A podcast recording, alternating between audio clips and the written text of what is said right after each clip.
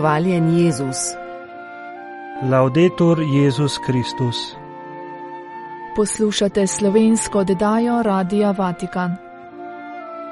Papež Frančišek v pismu judovskim bratom in sestram: Delajmo skupaj za mir v sveti deželi.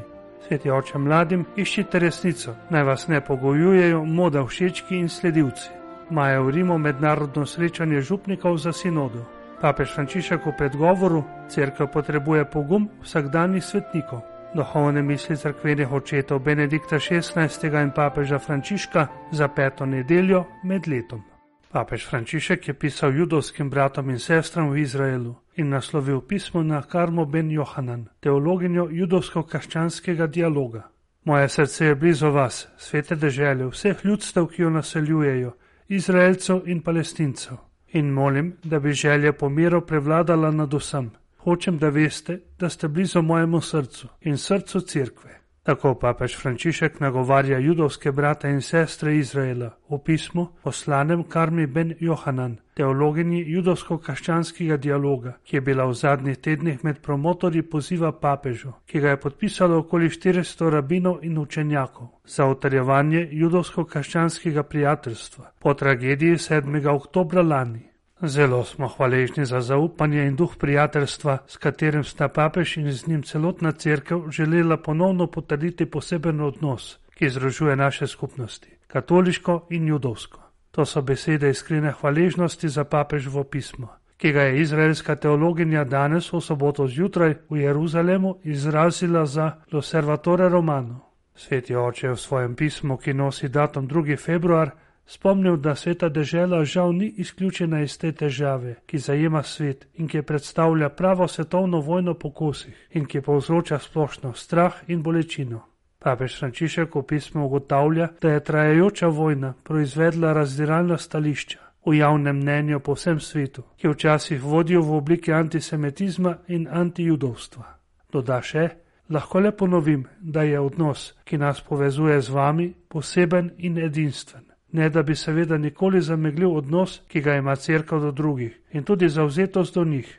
Pot, ki jo je crkva začela z vami, starodavnim ljudstvom zaveze, zavrača vsako obliko antijudovstva in antisemitizma. Nedvomno obsoja manifestacija sovraštva do judov in judovstva kot greh proti Bogu, v upanju na vse tesnejše sodelovanje za izkoreninjanje teh pojavov. O pismu, ki so mu ga poslali rabini in poznavalci judovsko-krščanskega dialoga, za katerega papež trdi, da ga zelo ceni, sveti oče piše: Čutim željo, da vam zagotovim svojo bližino in naklonjenost. Objemam vsakega izmed vas, še posebej pa tiste, ki jih razjedajo tesnoba, bolečina, strah in celo jeza. In dodaja: Skupaj z vami objokujemo mrtve, ranjene, traumatizirane in prosimo Boga očeta, naj posreduje in napravi konec vojni ter sovraštvu. Papež opaža, da je v teh časih opustošenja težko videti obzorje prihodnosti, v katerem luč nadomesti temo, v katerem prijateljstvo nadomesti sovraštvo. Vendar smo kot ljudje in katoličani priča prav takšnemu obzorju. Sveti oče zaključi pismo z upanjem. Skupaj moramo še veliko narediti, da bo svet, ki ga zapuščamo tistim, ki prihajajo za nami, boljši, a sem hkrati prepričan, da lahko v ta namen še naprej sodelujemo. Karma Ben Johanan, ki izraža hvaležnost papežu, pozdravlja povabilo papeža Frančiška z izjavo: Pripravljeni smo sodelovati, da bi odpravili sovraštvo in nasilje ter odprli vrata resničnemu miru za vse nas, ki živimo v tej deželi, jude, kristjane in muslimane. Pridružujemo se kristjanom v pripričanju, da so religije lahko ustvarjalna sila, ki je sposobna odpreti poti, ki bi sicer ostale zaprte. V Rimu bo od 28. aprila do 2. maja potekalo svetovno srečanje župnikov povezano s sinodalno potjo, na kateri se nahaja vesolna crkev. Dogodek, namenjen poslušanju, molitvi in razločevanju, v okviru sinode pripravljata generalno tajništvo Škofovske sinode in dikasterij za kler v sodelovanju z dikasterijem za evangelizacijo in dikasterijem za vzhodne cerkve. Mednarodno srečanje bo potekalo na temo Župniki za sinodo. Cilj je prisluhniti izkušnjam, ki župniki imajo v svojih krajevnih cerkvah jih urednotiti in jim dati priložnost, da doživijo dinamiko sinodalnega dela na univerzalni ravni. Pobuda je odgovor na predlog, ki so ga dali udeleženci 16. rednega generalnega zasedanja Škofavske sinode med srečanjem oktobra 2023. V sklepnem poročilu je bila namreč izpostavljena potreba po oblikovanju načinov za dejavnejše vključevanje diakonov, duhovnikov in škofov v sinodalni proces, kajti sinodalna crkev ne more biti brez njihovih mnenj, izkušenj in prispevka na splošno. Srečanje v Rimu bo zagotovilo dejavno vključevanje udeležencev ter omogočilo trenutke za medsebojno podelitev dobrih praks in pastoralnih izkušenj. Obilo prostora bo namenjenega pogovorom s strokovnjaki, osrednje mesto pa bodo seveda imela tudi bogoslužna obhajanja. Župnike bo papež Frančišek v audienco sprejel v četrtek 2. maja. Srečanja se bo udeležilo 300 župnikov, ki jih pošiljajo škofalske konference in vzhodne katoliške cerkve. Število udeležencev je bilo določeno na podlagi podobnega merila, kot je bilo uporabljeno za izbor članov sinodalnega zasedanja, torej glede na število članov posamezne škofalske konference. Škofalske konference in vzhodne katoliške cerkve so bile pozvane naj pri izbiri udeležencev dajo prednost župnijskim duhovnikom, ki imajo pomembne izkušnje z vidika sinodalne cerkve, ter naj upoštevajo raznolikosti pastoralnih kontekstov, odkuder župniki prihajajo, naprimer z podeželja, iz mesta ali posebnih družbeno-kulturnih okolij. Rezultati mednarodnega srečanja župnikov v Rimu bodo prispevali k pripravi delovnega dokumenta Instrumentum Laboris za sinodalno zasedanje oktobra letos. Sveti oče je v soboto 3. februarja v audienco sprejel učence, dijake, starše in učitelje kolegija Rotondi iz pokrajine Varize na severu Italije, ki obhaja 425-letnico delovanja. V svojem govoru je izpostavil, da je potrebno znati prisluhniti tudi mnenjem, s katerimi se ne strinjamo, ter da nepoznavanje poraja strah, strah pa nestrpnost. Učence in dijake je povabil naj se skupaj učijo in rastejo, ter se pogovarjajo z Bogom, z učitelji, vzgojitelji in starši. Papež se je posebej razveselil otrok in mladih, ki s svojimi sanjami, načrti in željami, ki jih nosijo v srcu, dajejo pomen in vrednost tako starodavni dediščini, kot je njihova šola.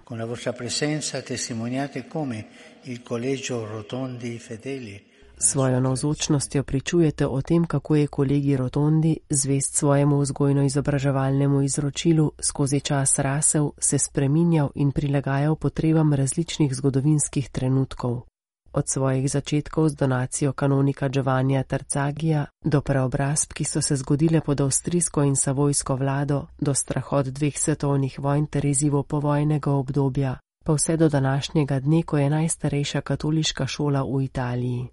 Vse to vsebuje pomembno sporočilo in vabim vas, da o njem premislite. To je, treba se je znati spreminjati, da bi ostali zvesti svoji identiteti in poslanstvu. Papež je navzoče spodbudil naj se intenzivno ukvarjajo s šolskimi dejavnostmi, pri tem pa naj bodo vedno odprti za novosti. Zlasti vi, mladi, vsem iščite resnico, ne da bi se pustili pogojevati trenutnim modam ali splošnemu mišljenju, všečkom ali soglasju sledilcev. To niso najpomembnejše stvari. Če smo preveč odvisni od njih, nam to lahko vzame svobodo. Hkrati pa se ne bojte, kadar je potrebno spremeniti in sprejeti mnen ter načinov razmišljanja, ki se razlikujejo od vaših, vendar glede vsega, kar ni bistveno. Bodite resnični ljubitelji resnice in zato vedno odprti za poslušanje in soočanje. Ob tem je sveti oče spomnil na Jezusov nauk, da resnica osvobaja. To je govoril ljudem, ki so s težavo sprejeli njegov novi način branja svetega pisma, saj ga v resnici niso poznali dovolj dobro in so se bali spremeniti svoje vzorce. Papež je navzočim dejal, da nepoznavanje poraja strah, strah pa nestrpnost, zato jih je povabil naj se tega izogibajo. Studijate facendo squadra, insieme, in sempre in allegria. Učite se tako, da tvorite ekipo, skupaj in vedno v veselju poznavanje raste v podelitvi z drugimi. Učimo se zato, da rastemo, rasti pa pomeni zoreti skupaj, se pogovarjati, pogovarjati se z Bogom, z učitelji in drugimi vzgojitelji, starši. pogovarjati se med seboj in tudi z drugače mislečimi, da bi se učili vedno novih stvari ter vsem dopustili, da bi dali od sebe najboljše. Na vse zadnje je to tudi geslo vaše šole: vzgajati in izobraževati. To je vsakemu zagotoviti sredstva, ki jih potrebuje za branje stvarnosti ter za svobodno in ustvarjalno izražanje. Starodavna zgodovina krščanskega mučeništva ni bila nikoli prekinjena. Nore ideologije še naprej podpihujejo sovraštvo in ubijajo mnoge samo zato, ker niso prenehali biti Jezusovi učenci. Tako se začne predgovor papeža Frančiška v knjigi v jedru ciklona Argentinski mučenci v 70-ih, ki jo je napisal Marko Galo, profesor na Argentinski papeški katoliški univerzi v Buenos Airesu. Izdala pa italijanska založba Editrice Močeljana. Knjiga je bila predstavljena v petek 2. februarja v Vatikanski filmoteki o prisotnosti avtorja, tajnice Papeške komisije za Latinsko Ameriko Emilče Kuda, novinarke L'Osservatore Romano Klaudije Silvije Perez in Gianni Labele, profesorja sodobne zgodovine na Univerzi v Modeni. Prispevke je povezoval direktor tiskovnega urada svetega sedeža Mateo Bruni. Knjiga je, pojasnjuje papež Frančišek v predgovoru, pomoč pri spoznavanju in razumevanju svetosti skozi zgodovino. Ne podarja podobic, ampak te priče naredi za naše sodobnike. To je knjiga, ki vam bo dobro dela, saj prikazuje tako moč zla kot sadove mučeništva. In to je pravi poraz mučiteljev in morilcev, ki so mislili, da so zmagali. Knjiga pripoveduje zgodbo o življenju vernikov in lajkov, preganjanih v Argentini med vojaško diktaturo v 70-ih letih prejšnjega stoletja in poskuša osvetliti to obdobje argentinske zgodovine.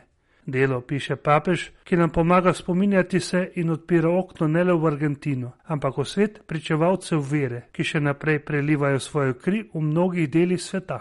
O knjigi je veliko zgodb mnogih protagonistov cerkve, na katere se papež spomni z besedami: Na začetku je seznam moških in žensk duhovnikov škofov, ki so bili ubiti ali izginili v Argentini v tistih strašnih letih, ki jih je razširila državna komisija za pogrešane osebe.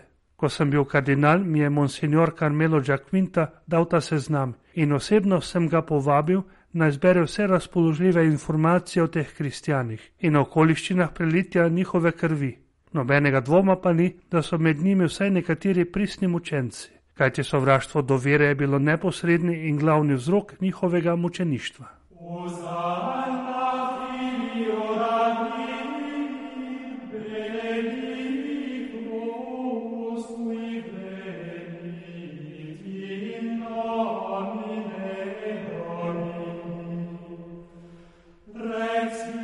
Duhovne misli crkvenih očetov Benedikta XVI. in papeža Frančiška za peto nedeljo med letom.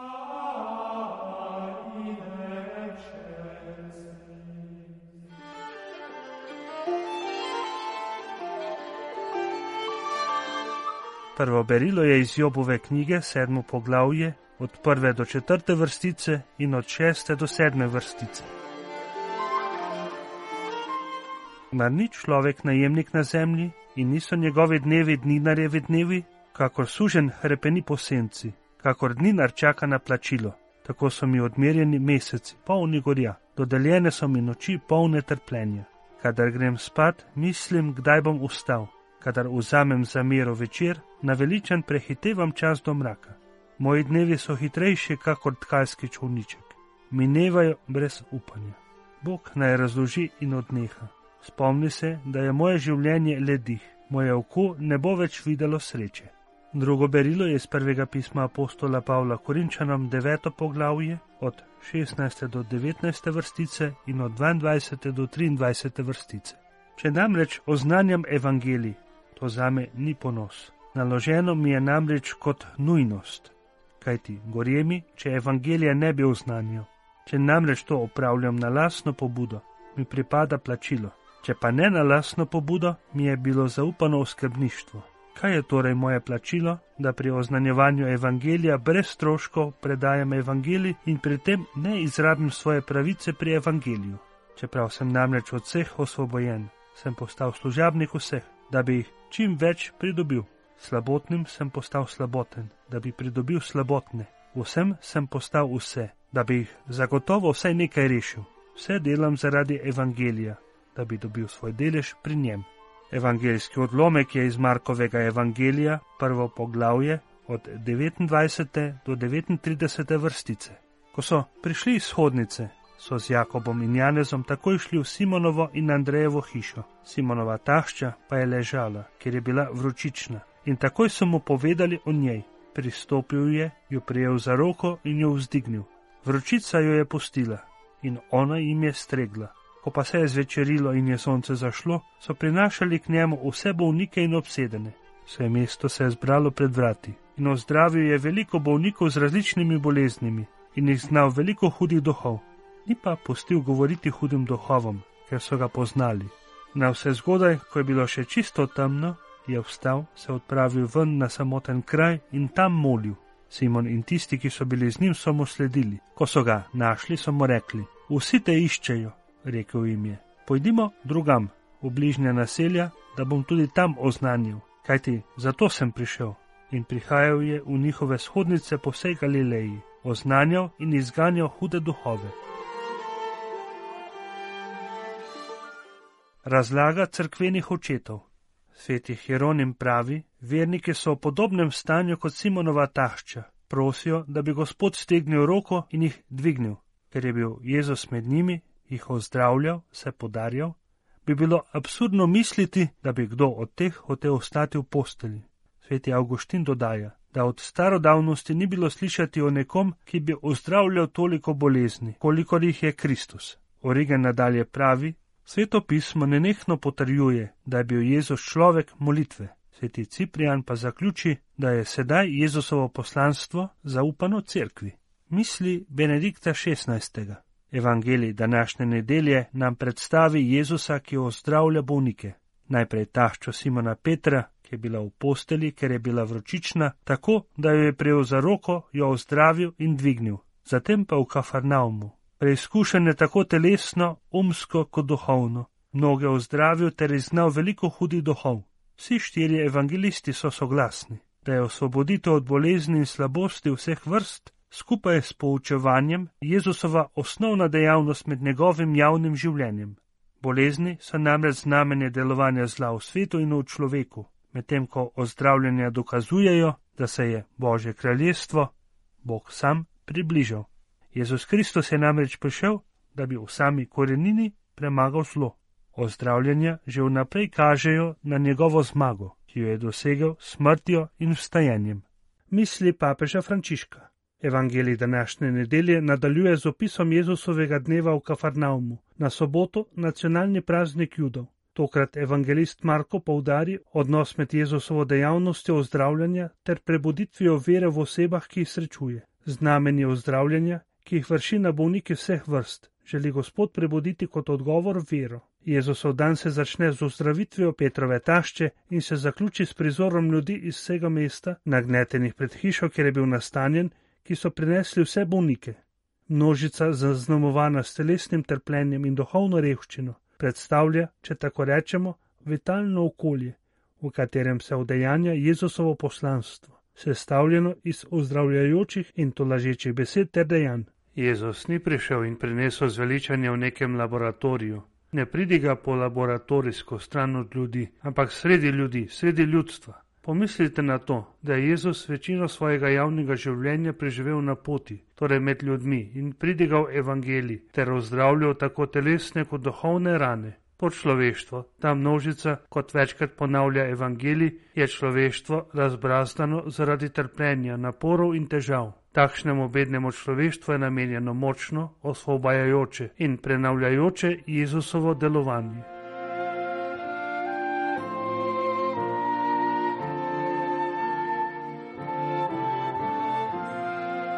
Poslušali ste slovensko oddajo Radia Vatikan.